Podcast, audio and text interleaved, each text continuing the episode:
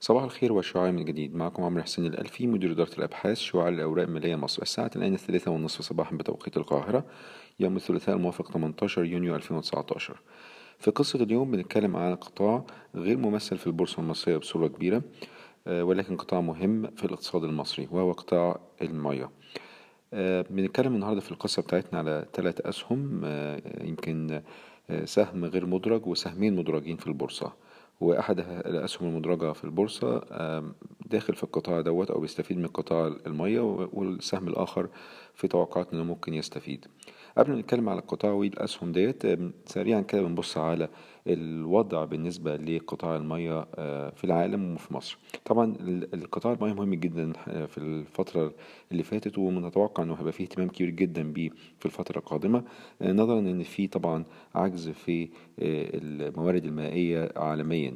وده بي بي طبعا بي بيخلي الدول عامة تبتدي تركز على إزاي إن هي تعمل معالجة للمية وتحلية المية علشان تزود الموارد المائية بتاعتها اللي هي الموارد المائية طبعا العذبة بالنسبة لمصر إحنا مصر بتستهلك آه، حسب البيانات اللي طالعة من آه، وزارة الموارد المائية والري في مصر آه، بتستهلك مصر حوالي 80 مليار متر مكعب من المياه العذبة في السنة. حوالي 60 مليار متر مكعب من المياه ديت بيتم توليدها من الموارد المحلية في مصر وده معناه إن في فجوة وحوالي 20 مليار متر مكعب. من المية. طب يتم توفير العجز ده منين أو الفجوة دي منين؟ بيتم توفيرها من معالجة المية. فبالتالي في آه، طلب على آه، معالجة المية بالنسبة للوضع الموجود في مصر. طبعا إحنا عارفين في تزايد عدد للسكان يعني في زيادة في السكان الفترة الجاية في زيادة لاهتمام طبعا احتياج للمية علشان المحاصيل والزراعة. وطبعا عندنا آه، ممكن تأثر حصة مصر من المياه بالنسبة ل آه، من مية النيل اللي بتمثل تقريبا فوق تسعين في المية من موارد آه، المائية بالنسبة لموارد المياه العذبة طبعا بالنسبة لمصر. فطبعا في احتياج للمية في مصر. وبالتالي إحنا شفنا إن الدولة المصرية مهتمة بالقطاع دوت وإن هي تبتدي تركز على آه، إنشاء محطات آه، تحلية للمية في محافظات مختلفة. شفنا في خمس محافظات في بورسعيد مطروح البحر الأحمر شمال سينا جنوب سينا آه، عايزين نوصل للطاقة بالنسبة لتحلية المية لحوالي 700 ألف متر مكعب مقارنة ب 250 ألف متر مكعب حاليا. اوريدي كان في تم في 2018 افتتاح محطة في الغردقة من ضمن 16 محطة تحلية متوقع أن يتم إنشائهم إن شاء الله في الخمس محافظات اللي اتكلمنا عليهم دول. آه، في الفترة الأخيرة. طب بالنسبة للشركات آه، اللي هي بتستفيد من الموضوع دوت. شفنا آه، مؤخرا شركة حسن علام القابضة.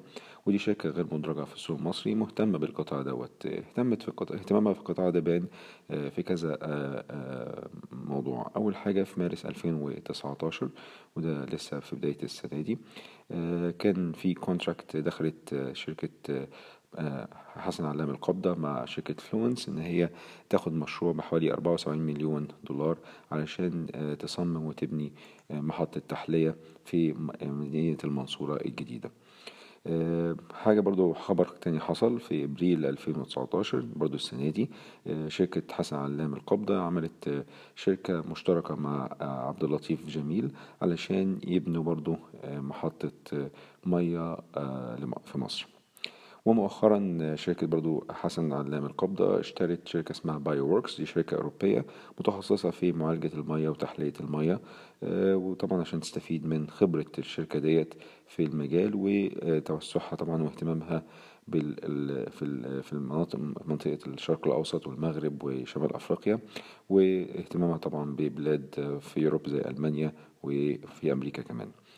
طيب ده بالنسبة لحسن علام لكن للأسف طبعا الشركة مش مدرجة في السوق فبالتالي إحنا كمستثمرين في البورصة مش هنقدر نستفيد من هذا السهم. ولكن في سهمين شايفينهم في البورصة المصرية ممكن نحت... يعني نستفيد آه، أو ممكن الشركتين دول يستفيدوا من آه، القطاع المية already شركة منهم already داخلة في القطاع دوت أو ليها exposure على القطاع ده.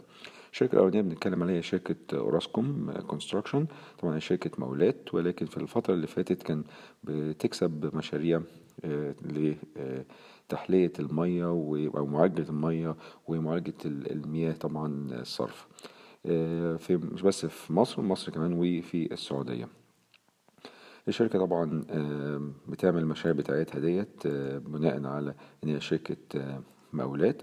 ولكن طبعا الخبرة بتاعتها مش بس خبرة إن هي تعمل تبني المشروع وخلاص لا ممكن يبقى فيه potential إن الشركة تبقى بتدير المشاريع ديت على حسب طبعا الخطة بتاعت الحكومة المصرية إن هي ممكن الحكومة المصرية تتجه إن هي تعمل المشاريع بتاعت المية ديت على نظام ال BOOT أو build own operate transfer.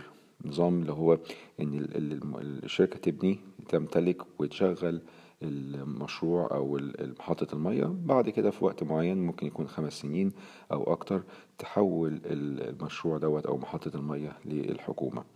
فطبعا اوراسكوم مهتمة بالقطاع دوت. عندها برضو القطاع المواسير ممكن يستفيد برضو. عندها اهتمام بالقطاع دوت مش بس في مصر زي ما قلت وفي مصر والبلاد الأخرى زي السعودية.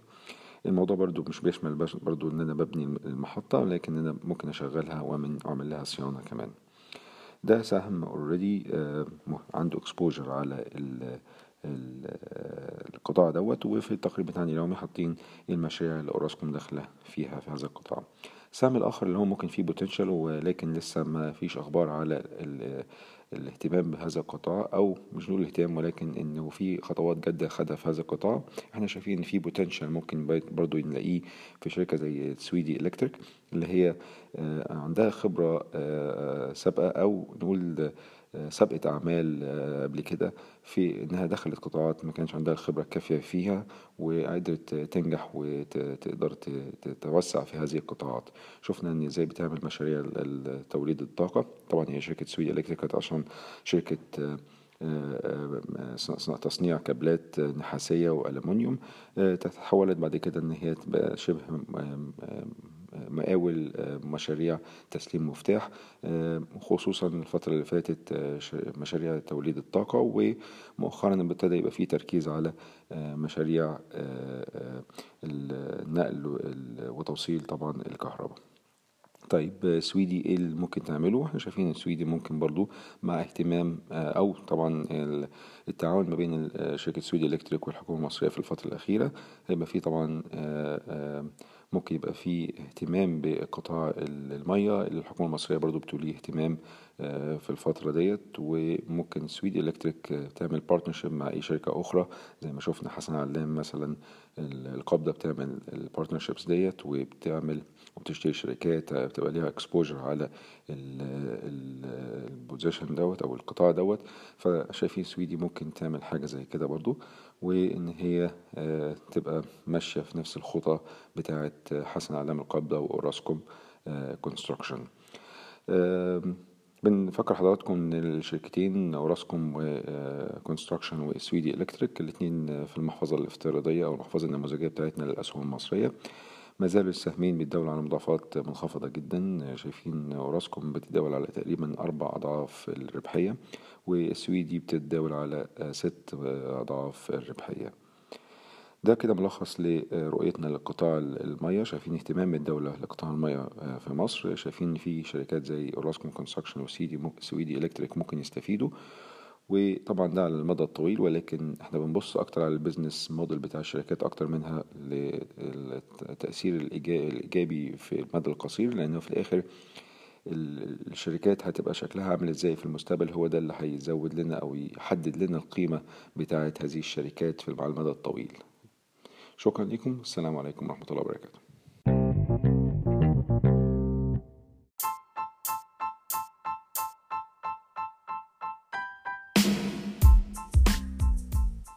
إن هذا الملخص الصوتي هو لأغراض المعرفة فقط ولا يمكن اعتباره عرض شراء أو بيع أو إدارة استثمارات أو خدمات استشارية.